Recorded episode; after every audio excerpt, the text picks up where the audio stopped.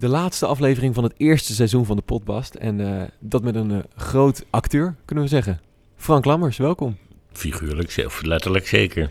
Ik eh, wil je niet persoonlijk aanvallen natuurlijk. Nee, ja, nee, het begint goed dit. Welkom. Ik las dat je normaal alleen dingen doet waar je niet zeker van weet of je het wel aan kan. Waar Ja. twijfel je over bij deze podcast? ja, dit is mijn eerste podcast, dus je moet ergens beginnen. Dat klinkt ook wel gelijk heel denigrerend. Is het een aanval voor een aanval? Nee, helemaal niet. Nee, nee, dat is voor mij. Ik bedoel, je moet ergens beginnen als in één podcast moet de eerste zijn. Dus ik weet niet of ik hier talent voor heb. Dat zal eh, de komende, hoe lang duurt het? Half uur uitwijzen. Volledige naam. Frank Albertus Petrus Maria Lammers. Daar bestaat nog wel eens eh, misverstand over, omdat hij op Wikipedia fout staat. Leeftijd. 47. Beroep. Mensenverzamelaar. Bekend van. Eh, van alles en nog wat. Verliefd, verloofd of getrouwd. Alle drie. Mijn beste imitatie. Joost Prinsen. Rekenen en taal. Hoe schrijf je glaswol, eh, GLA en ZWOL? Wat was de allereerste keer dat jij in aanraking kwam met eh, acteren? Ik speelde, eh, zoals elke rechtgeaarde katholieke jongen, een eh, schaap in het kerstspel. Een tekst weet ik ook nog. Ik moest één stap naar voren, ik had een ma- schapenmasker op. Ik moest één stap naar voren doen op een gegeven moment en zeggen... En waar moeten wij dan slapen? En ik weet nog dat ik dat aan het doen was. En ik heb nooit bedacht dat ik acteur wilde worden zo. Maar dit heb ik veel later kwam dit terug. Dat ik dat echt dacht toen op dat moment. Omdat we hadden allemaal een masker op. En één jongen, die François Verheijen, zijn naam vergeet ik ook niet. Die had ook een masker op, maar die had het maar half op. Zodat hij kon zien waar zijn ouders in de zaal zaten. En dat begreep ik niet. Ik dacht, je bent een schaap of je bent het niet. Dus dat zat er al wel vrij vroeg in. Toen was ik zes of zo. Niet dat ik dat toen bewust zo, eh, maar dat dacht ik wel echt. Ik begreep daar niks van. Dat je iets half kon doen. Je wilde niet altijd acteur worden. Nee. Nee. Wat wilde je wel worden? niet. Ehm, voetballer. Daarna, toen, toen ik wat ouder werd, ik stond ingeschreven voor de studie culturele antropologie. Dus ik wilde niet zozeer iets worden als wel iets zien. eh, de wereld in. Ja. Toen werd ik aangenomen op de toneelschool. Dus toen ging dat even niet door. En vanaf toen is het eh, hard gegaan. Laten we eens even luisteren naar wat je allemaal gedaan hebt. Daar heb ik een Oeh. compilatietje van geknipt. Maar wel met een... eh, het met... lijkt wel radio. Ja, het is ongelooflijk. Maar wel met een foutje in je doopnaam. In je doopnaam. je Gerardus heb je erin staan, hè? Ja, ja, ja, en dit ja. mag je er niet uitknippen. Frank Albertus Gerardus Petrus Maria Lammers wordt op 10 april 1972 in Mierlo geboren. Hij studeert aan de toneelschool in Amsterdam en is bekend van de Jumbo-reclame. Oh, en natuurlijk ook van Michiel de Ruiter, tekenfilms als Wreck-It Ralph, verschillende theaterstukken en momenteel ook als Ferry Bouwman in de eerste Nederlandse Netflix-serie Undercover. Jij komt naar hier gereden met 5 miljoen pillen in een kofferbak? Ik wist niet wat ik ermee moest doen. Frank studeert 24 jaar geleden af aan de toneelschool en maakt dan gelijk zijn filmdebuut. Helemaal aan het eind van de film. Dakloze krantverkoper Frank Lammers. Hond Wodan. Dat stond er op de aftiteling. Dus het eerste wat ik leerde was dat je altijd net boven de hond op de aftiteling moet staan. In de jaren die volgen pakt hij verschillende grote prijzen, waaronder een gouden kalf voor beste acteur, krijgt zijn regiedebuut van twee jaar geleden ook de prijs voor beste speelfilm. En met de serie Undercover heeft hij ook meerdere prijzen gepakt. En met kritiek deelt hij op zijn eigen manier. Waar is de ondertiteling als je hem nodig hebt? Ga ik niet eens op in. 24 jaar geleden afgestudeerd, dat is echt heel erg. Kan je nog ouder laten voelen? Toen werd ik bijna geboren. Toen jij afstudeerde. Nee, bedankt, eh, Bastiaan. Het, de, de, de, de, sfeer zit er goed in, hè? die eerste paar nee, minuten al. het is uh, filijn, daar hou ik wel van. Vind ik niet erg. Het schooltoneelstuk dus, waar je over vertelde. En jij merkte, dit, dit werkt goed. Dit doet het goed bij de vrouwen, dat toneelspelen. Nee, dat was veel later pas. Dat was op de middelbare school. Eh, In de Wijze Kater speelde ik een koning. Ik was er nog heel klein en heel iel. Dan kwam ik op met een klein aapje, zo'n monchichi-aapje aan mijn hand. Maar ik had toen al best wel eh, eh, een grote stem. Dus zaten die mensen van, wat komt daar voor geluid uit, uit dat mannetje? En toen kreeg ik inderdaad allemaal aandacht van meisjes en zo. En dat vond ik wel een prettige bijkomstigheid. Dat ik ineens naast een meisje uit de zesde zat die mij ook echt nog interessant vond. En ik "Huh, wat gebeurt hier? Want dat was ervoor niet zo. Nee, natuurlijk niet. Een brugpieper met niks.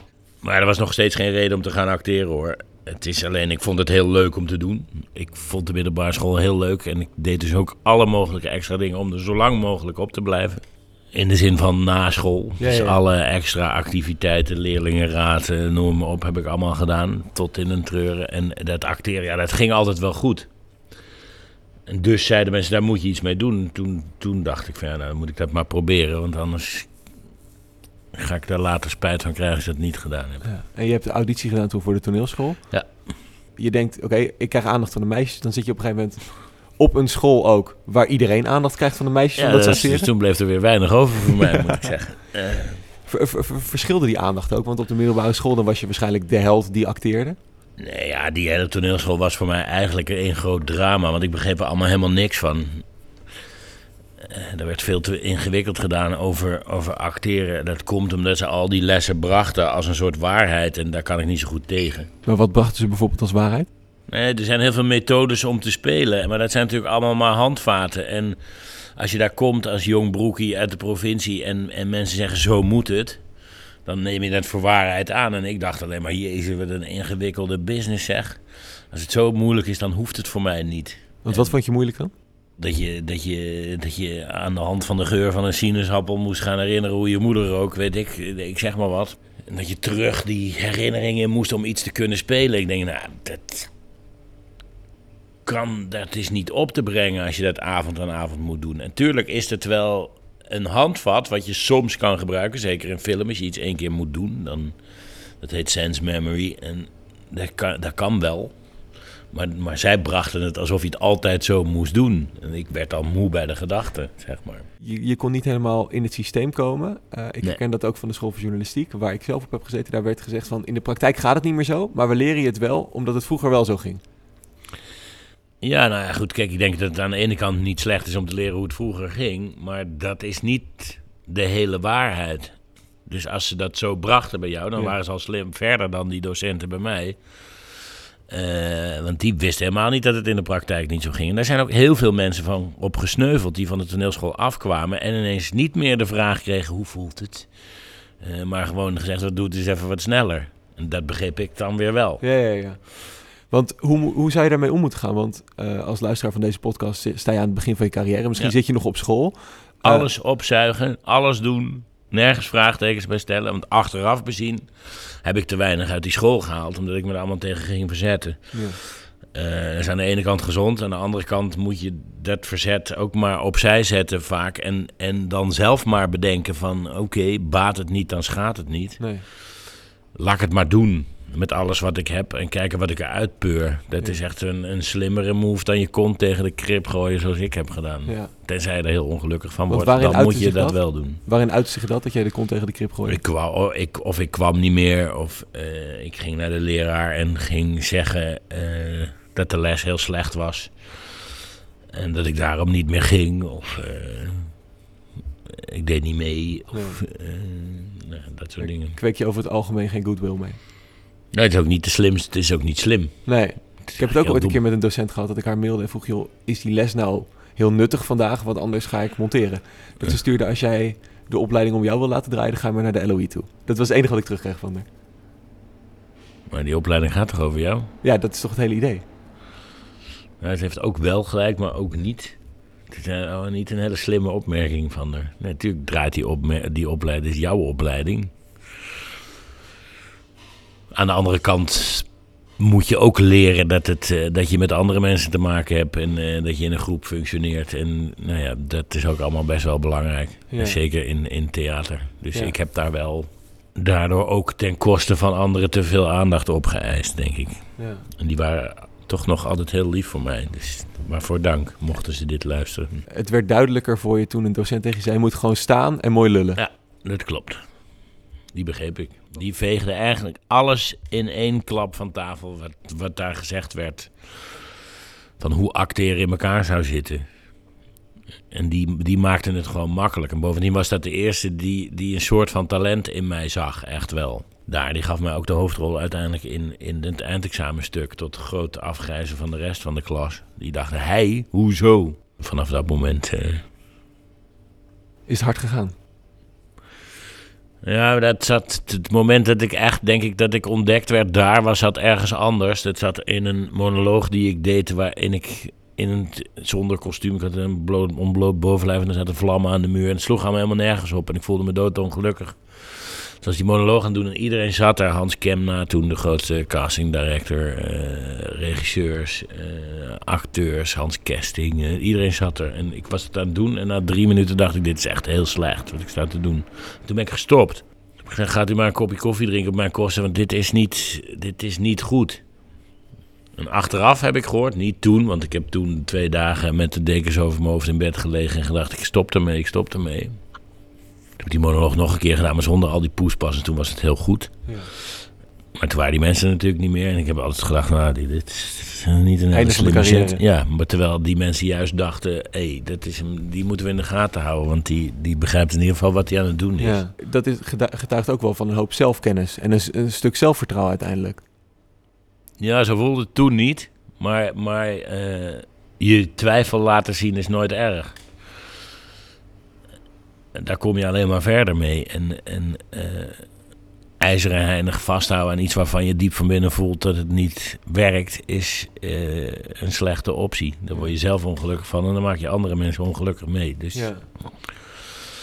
intuïtief was dat toen eh, de, de beste set. Toen ging ik wel kapot. Ja. En, en er waren ook mensen heel boos met wie ik daaraan gewerkt had. Ja. En dat snap ik allemaal. Want hoe zagen mensen jou op school? Nou, de, de opleidingshoofd die, die het beste. Denk ik in zijn... Die had altijd een speech als je afstudeerde en die zei...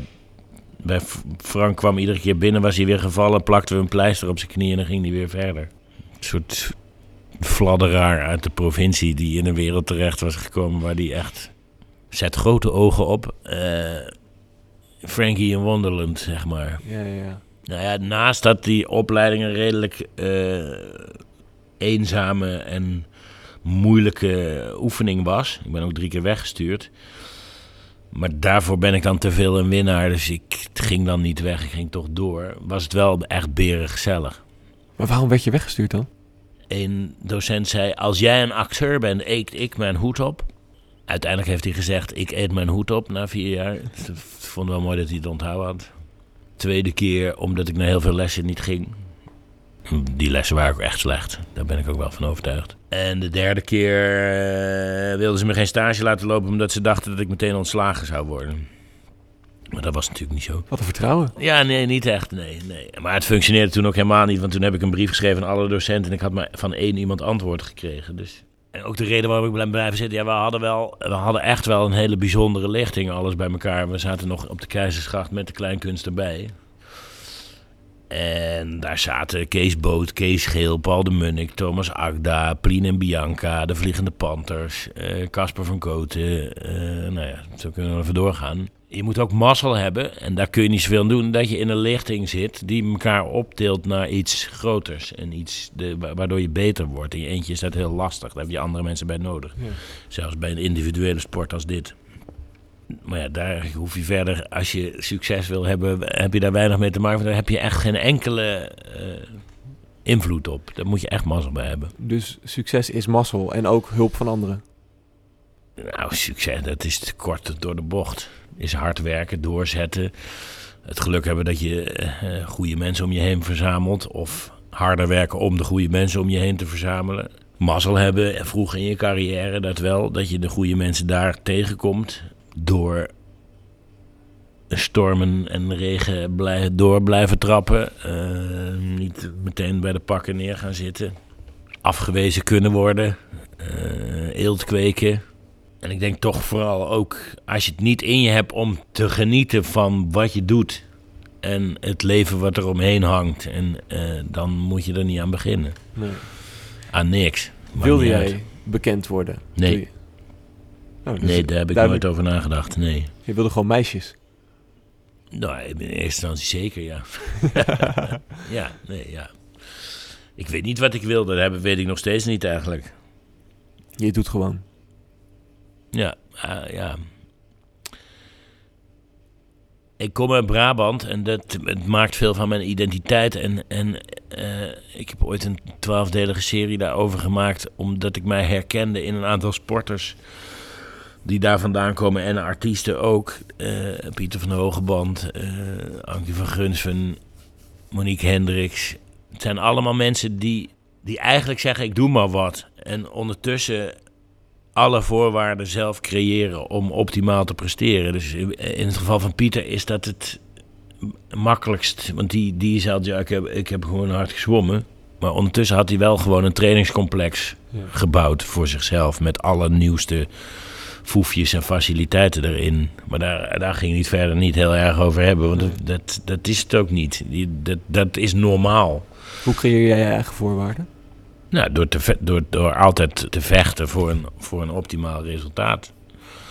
En door heel veel tijd te investeren in de groep waar ik op dat moment mee bezig ben. En de mensen met wie ik bezig ben. En dan niet alleen de andere acteurs, maar ook de mensen eromheen. En te kijken met wie werk ik, wie ben jij, wat is er met je aan de hand. Je ziet er verdrietig uit vandaag.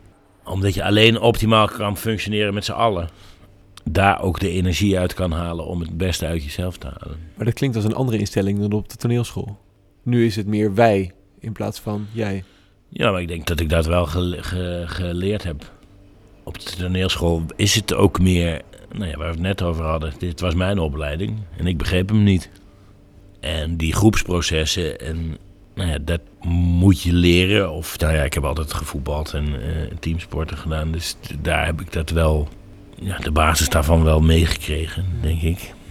Heb je een diploma nodig om acteur te worden? Of is de toneelschool vooral voor de lessen en niet voor het diploma? Ja, het diploma doet er natuurlijk niet, uiteindelijk niet zo heel veel toe. Daar ga je ook echt niet meer van verdienen of zo. Het is dat je, je hebt vier jaar de kans om bezig te zijn met datgene waar je mee bezig wil zijn. En, en dat is luxe. Zo moet je het ook zien. Dus maak er gebruik van, zou ik willen zeggen, de mensen die nu zitten. Want nu, het ding wat je nu ziet, omdat er veel meer gedraaid wordt dan in de tijd dat ik op de toneelschool zat. Toen was er één telefoon en die ging vijf keer per dag en het was altijd voor Ellen ten Damme. Uh, maar nu, die mensen die, die willen allemaal meteen ook daarbuiten dingen doen. En denken dan allemaal dat het hun grote doorbraak wordt als ze een filmrolletje ergens aangeboden krijgen. En dan zeggen ze tegen school, nee. En dan zegt die school, ja, maar je hebt les. Dan zeggen ja, maar ik ga het toch doen. Ja, dat is dom. Omdat zoveel interessants wordt er nou ook weer niet gedraaid in Nederland. En het moment dat je de kans krijgt op die leeftijd om vier jaar lang dingen te maken, jezelf te ontwikkelen, uh, moet je dat doen. Ja. Daar word je veel beter van dan de, de, de, de, motivatie voor het andere klopt niet. Die motivatie voor het andere is roem, niet beter worden. En uh, met de motivatie roem kom je niet ver. Nee. Hoe is de toneelwereld voor beginnende acteurs? Nou, toneel, de toneelwereld, dus als je het echt over toneel uh, als in theater bedoelt, die heeft het zwaar. Nou ja, laten we zeggen op sterven na dood. Uh, gebeurt nog in de marge of in het hele topsegment. Maar voor de rest wordt er bijzonder weinig meer geprogrammeerd of komt er een hond kijken. Wat doodzonde is, want het is een prachtig medium. Uh, maar het gaat allemaal over geld tegenwoordig. Dus schouwburgen programmeren liever uh, een klucht of een, een, musical dan, dan een serieus toneelstuk. Dat is een trieste ontwikkeling, denk ik. Hoe is de, de houding van gevestigde acteurs naar beginnende acteurs? Ben je eerst de voetsveeg? Moet je eerst de tomatenplant spelen zoals op school? Nee joh, dat is al lang niet meer. Alleen beginnende acteurs beschouwen zichzelf vaak niet meer als beginnende acteurs. En dat, dat is wel lastig. Want die hebben dan ook al drie rolletjes gespeeld ergens in een of andere kutserie. En denken dan dat ze het onder de knie hebben of zo. En uh, dat is, je hebt dit vak nooit onder de knie, echt niet. Je moet iedere keer weer opnieuw beginnen naar, naar, naar het zoeken van, van iets bijzonders. En iedere keer weer even diep graven. Je kan niet makkelijk ineens iets doen omdat je al heel lang meeloopt. Maar wanneer weet je dat je niet meer beginnend bent? Als er anderen zijn waaraan je herkent dat ze beginnend zijn, denk ik. Ja. Ja. Dat je die fouten ziet maken waarvan jij denkt... zou ik niet doen. Nee. Beginnende acteurs willen ook vaak te veel. Terwijl je moet gewoon vanuit het stuk denken en niet vanuit jezelf. En dat, dat is de, de voornaamste kwaal bij acteurs. Ja. Dus eigenlijk nooit om een rol vragen? Of dat weer wel? Je mag wel om een rol vragen. Ja. Alleen beginnende acteurs vragen vaak ook als ze een rol hebben... of die rol niet wat groter kan. En dan heb ik altijd zoiets van... Huh, ja. wat is het verhaal daarmee gediend dan? Ja. wat je wil vertellen. Dat jij, uh, ja, maar ik heb zo weinig te doen. Tja, Dan kijk je naar die andere mensen. Ik kan heel slecht tegen mensen vanuit hun rol denken en niet vanuit het verhaal. Je moet vanuit het verhaal denken, niet vanuit jezelf. En dat is, maar ik heb ook hele oude acteurs die dat nog steeds doen. Dus Ja. dat is ook een kwaal die dan. Die, eh, mensen willen graag dat, dat het lukt in hun leven. En dat snap ik. Dat is ook een fijn gevoel. Alleen, dat is niet de eerste drijfveer. En wat je dan vaak ziet, ook met oudere acteurs... Als, die hebben de hele tijd het gevoel dat, dat ze nog steeds net niet erkend zijn als het genie wat ze eigenlijk zijn. Ik denk, ja, misschien moet je dan accepteren dat je dat niet bent. Of dat je iets misschien net niet helemaal lekker doet. Dus verander je, je moves. Ja. En vaak is dat precies dit. Dat je, dat je eh, vanuit het stuk of vanuit het verhaal denkt en niet vanuit jezelf. Zoals je ook als je in een bedrijf werkt volgens mij en je wil succes hebben vanuit het bedrijf moet denken. En niet vanuit hoe kom ik zelf zo snel mogelijk hoger op. Heb je dit moeten leren ook? Of zat dit altijd al in je? Nee, ik ben echt een teamplayer. Dus, dus eh, natuurlijk ben ik wel eens gefrustreerd geweest. Dat ik dacht, wat is dit voor kutrolletje? Eh, maar ja, dan ga je kijken naar, naar, naar, naar de mensen die op dat moment beter zijn dan jij, die in het stuk zitten. En wat zij doen en hoe zij het doen. En dan. Haal je daar je voldoening uit en daar leer je weer van. Vorig jaar was er eh, veel ophef rondom eh, eh, verschillende castingbureaus ook. Die jonge acteurs eigenlijk nou ja, misbruikten om maar ze binnen te krijgen. Is dat iets wat veel gebeurt in de toneelwereld? Of in de acteerwereld? Nou, dat weet ik niet. Dat denk ik eigenlijk niet. Daar zijn fouten gemaakt door personen. Alleen is de manier waarop dat in de media is gekomen... de manier waarop dat is opgelost kwalijk. En ook hier zag je dat de drijfveer van veel acteurs... toch ook weer was om zelf hoger op te komen. Door maar te zeggen... eh, Ik heb echt acteurs gesproken die zeiden... zie je wel, mijn carrière is mislukt om, omdat hij mij tegen heeft gewerkt. Nee meneer, je carrière is mislukt omdat je geen deuk in een pakje boter acteert. Maar je ziet er wel lekker uit. Eh, dan moet je dan verder ook niet over zeuren. Eh, tuurlijk, en wat daar gebeurt klopt niet. Alleen je kan niet iemand zo openbaar aan de schandpaal nagelen. Als je echt het gevoel hebt dat je misbruikt bent, vind ik dat verschrikkelijk. Ja, Eh, maar ga dan naar de politie. ja. En los het op die manier op. Maar ga niet op internet en op, bij, bij RTA Boulevard een beetje... Kijk mij eens hier eh, zitten en, en mensen kapot maken. Want dat is wat je doet. ja. Als dat gebeurt, dus wat er gezegd is, moet je naar de politie gaan. Dan wordt diegene opgepakt. ja. Want dat kan niet. Maar is dat sowieso niet momenteel een beetje wat er eigenlijk gaande is met eh, alles wordt maar aangevallen. Als je in undercover niet verstaanbaar genoeg bent, dan, dan krijg je een berg eh, kritiek over je heen. Iedereen heeft maar zijn mening. Ja, nou ja, dat, dat is al een tijdje gaande natuurlijk. Ja, dat is de, de merde van, van internet. Ja, Hoe kijk, van, eh, ja. hoe kijk jij daar tegenaan? Ik lees het allemaal niet. Dus ik, eh, ik ben daar al heel snel mee opgehouden. Ik heb twee weken Facebook gehad. Toen werd ik gillend gek. Eh, en zeker als je een beetje bekend bent, dan menen mensen echt hele lelijke dingen over je te moeten mogen zeggen. Ik was er al vrij snel achter dat deze zolderkamertjes eh, Maarten van Rossums... Ja, wat moet je ermee? Ga je iets doen met je leven, denk Ja. ik dan. Als je hier tijd voor hebt, heb je ook tijd om wel nuttige dingen te doen. Ik bedoel, ik, het raakt me ook niet meer. Wat is er in die twee weken tegen je gezegd dan? Dat je binnen twee weken al van Facebook was?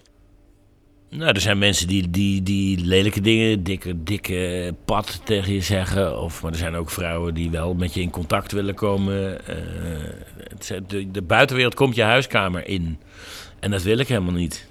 Ik wil zelf uitkiezen met wie ik praat en wie ik toelaat in mijn leven. En op, op zo'n moment is de hele wereld in staat om hoe, je, hoe dan ook in je gedachten te komen. Of jouw gedachten te beïnvloeden. En dat is verschrikkelijk, want Ja. dat gaat aan je vreten.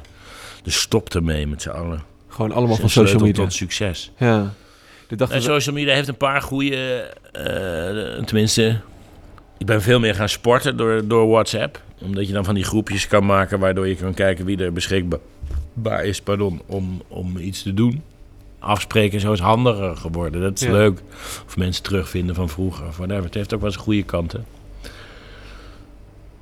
Maar doe het gewoon, eh, doe social media met mensen die je wel kent. En ga niet rekenen op mensen die je niet kent. Waarom zou je dat doen? Ja. Je kent die mensen niet eens. En wil je daar dan echt een duimpje van? Dat is onzin. Maar waar komt dat vandaan? Dat dat iedereen maar zijn mening wil geven tegenwoordig. Is dat, is dat de maatschappij? Is dat altijd al zo geweest?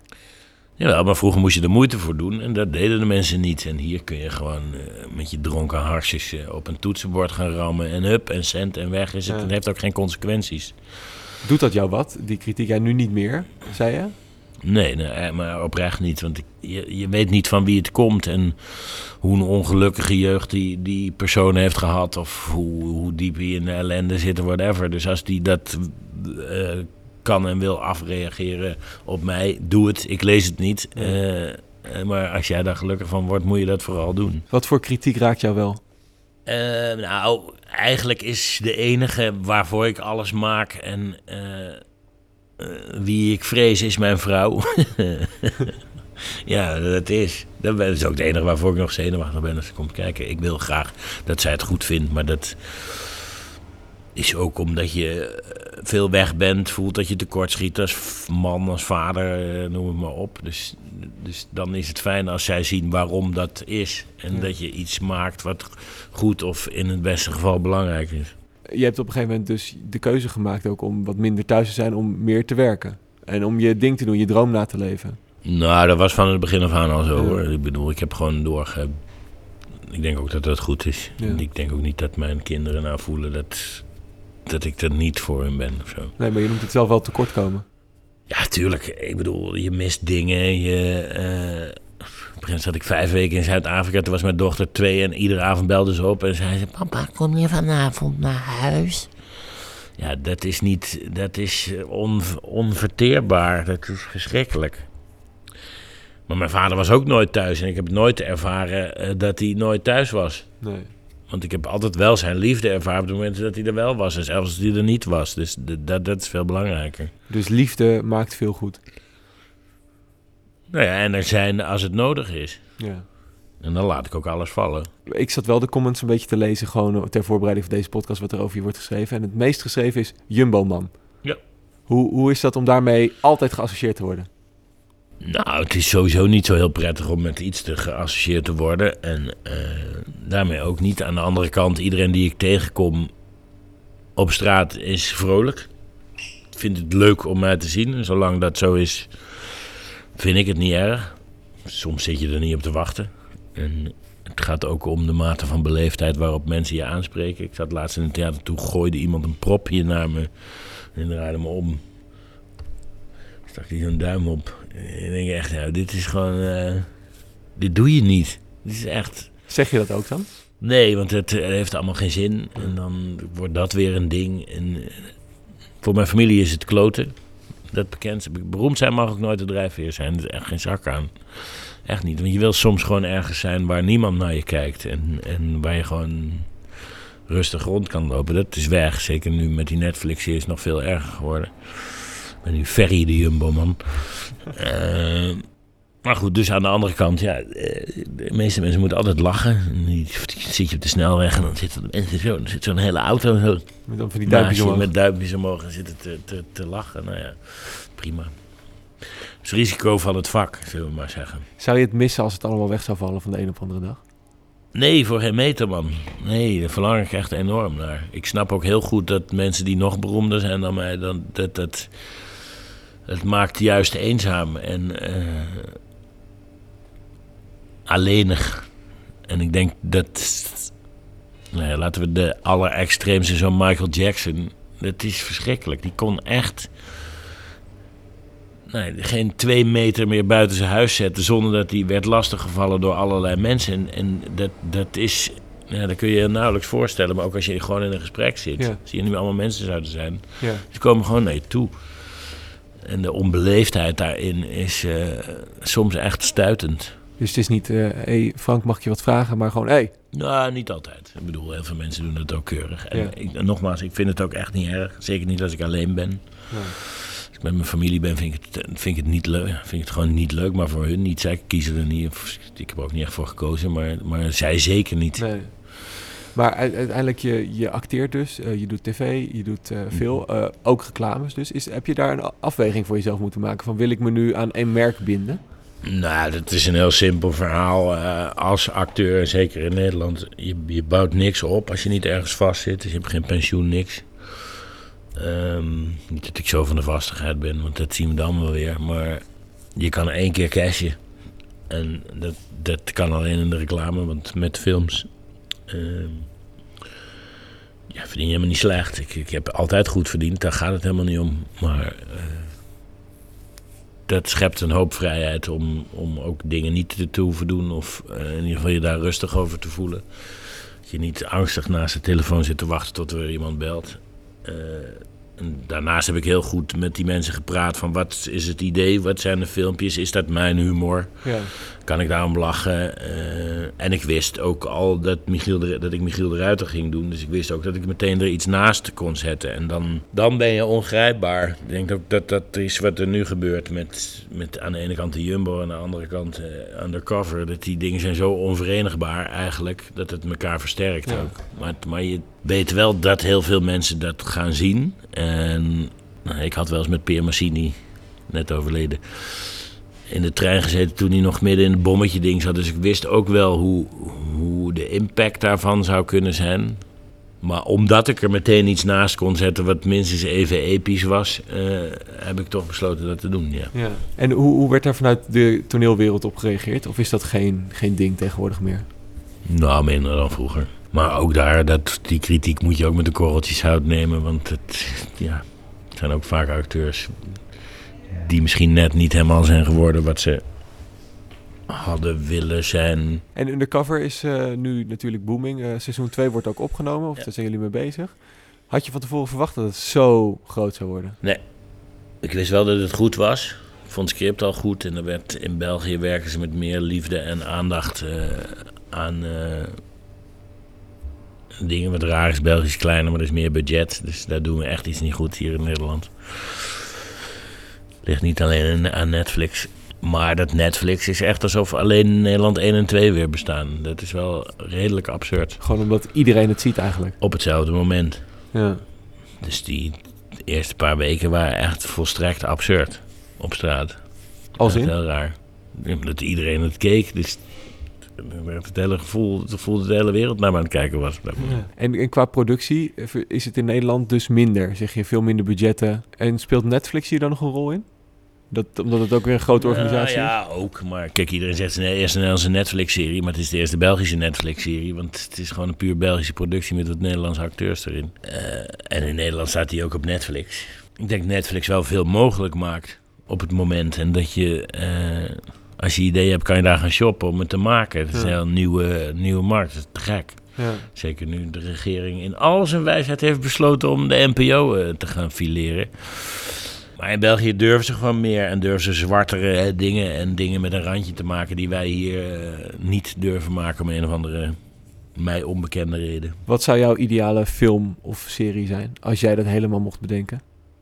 Ach, er is nog zoveel wat ik wil. Ik wil heel graag een keer een serie maken over de teloorgang van de ideologie uit de jaren zeventig. En dat vind ik echt fascinerend. En, en waar doe je op dan? Ik sprak ooit met Joost Benefante over het te ziele gaan van de Doe maar commune. Ik, ik, denk, ik dacht dan altijd, ja, maar dan zaten je daar met z'n allen. En ergens in mijn achterhoofd begreep ik ook wel dat het niet kon, natuurlijk, wat zij wilden. Met anarchistisch rebel, rebels en er zijn geen regels en whatever. En toen, zei, en toen vroeg hij hem, waarom is dat gestopt dan? Toen zei hij, nou ja, op een gegeven moment stond ik af te wassen en de rest lag mijn vrouw te neuken. Toen vond ik het wel welletjes. Dus daar gaat eh, een serie over komen als het jou. Ja, als het erbij ligt wel, ja. Ja, dat zou ik leuk vinden. Wat goed zeg. Begeleid je ook jonge acteurs? Nou, ik geef les op het conservatorium aan eh, jonge zangers. In een soort podiumperformance. Dat vind ik heel leuk om te doen. Ik heb net die voorstelling in Assen. Dat was met veel jonge dansers en zo. Ik vind het heel leuk. Ik krijg veel energie van. Van met jonge mensen omgaan. Ik kan ook snel resultaat boeken wel. Om ze beter te maken. Eh, kan ik zelfs in deze podcast jonge acteurs, het gaat nooit over jouw gevoel. Het gaat over de gevoel, het gevoel van degene waarmee je speelt. Alsjeblieft. Mini masterclassje. Maar dit is de essentie. Wat zou hetgene zijn wat je nog zou willen doen? Ook al zou het buiten je huidige werkzaamheden vallen. James Bond boef. James Bond boef. Want je speelt wel vaak boeven. Een boef is, dat is toch, je wilt toch niet, niet de boef zijn? Nee. Hoe zou jouw James Bond boef eruit zien? Een beetje dikker, denk ik. ik dacht, ik hou op met de filijne opmerking. Ja, nee, maar dat kan ik zelf ook wel. Nee, dat weet ik niet. Nee, maar dit is een eh, onhaalbaar. eh, volgens mij is het net zoiets als een Formule 1 race. Moet je bijna geld meebrengen om, eh, om dat te kunnen doen. Zou de undercover daar niet bij kunnen helpen? Dat je zegt, kijk eens wat ik, ook, wat ik al... Ja, maar ja, Nederland is geen markt. Dus Nee. dat levert in die zin niks op. En je bent geen Rus. En die heb je vaak als boef. Snap je? Ja, ja, Ja. ja, ja. Dus, De eerste podcast die je hebt gedaan. Oh, is die klaar? Nou ja, we kunnen, En? we kunnen nog doorgaan. ik, Nee, ik wilde nee, even ik tussentijds evalueren. ik moet nog andere dingen doen. Eh, weet ik niet, ging het goed? Ja, ik, vond het wel een leuk vond- gesprek. Zeker, zeker. Dus Ja. dit kan je ook al. Dus dat hoef je de volgende keer ook niet meer te doen. Nee, als je- je iets kan, wil niet zeggen dat je het niet meer hoeft te doen. Nee, maar je deed alleen dingen waar je niet helemaal zeker over voelde. Nee, ja, niet, eh, doe het liefst. Het dingen waar ik me niet helemaal zeker over voel. Maar eh, ja, je moet ook dingen doen waarvan je gewoon zeker weet dat je ze kan. Ja. Natuurlijk, waarom niet? Als dat op je pad komt, moet je dat doen. Maar ik vind dat andere leuker. Ik heb hier het collectors item van de Potbast. De Potbast sticker Oh, wat voor je. heerlijk. Alsjeblieft. Het ziet eruit als een ansichtkaart, maar het is een sticker. Oké. Waar ga je hem ophangen? Ehm, dan moet ik nog even op, op, op de fiets van mijn zoon, denk ik. Ik zie de foto wel tegemoet. Ja. Ja, dan fietst hij een beetje. dat is mooi. Dan kan hij zeggen, daar zit papa in en dan gaat het weer over papa. Ja, dat. dat zal hij leuk vinden. Frank, dankjewel. Oké, graag gedaan. Dit was de dertiende podcast met mij als gast, Frank Lammers. Vond je het een interessant gesprek? Laat dan een leuke recensie op iTunes of YouTube achter of deel de podcast met je vrienden. Als je in je Instagram story zet dat je deze podcast luistert en je tagt de radio meneer, maak je ook nog kans op een podcast sticker. Je mag de mijne ook hebben hoor. Dit was ook de laatste aflevering van seizoen 1. Na de zomer is Bastiaan weer terug.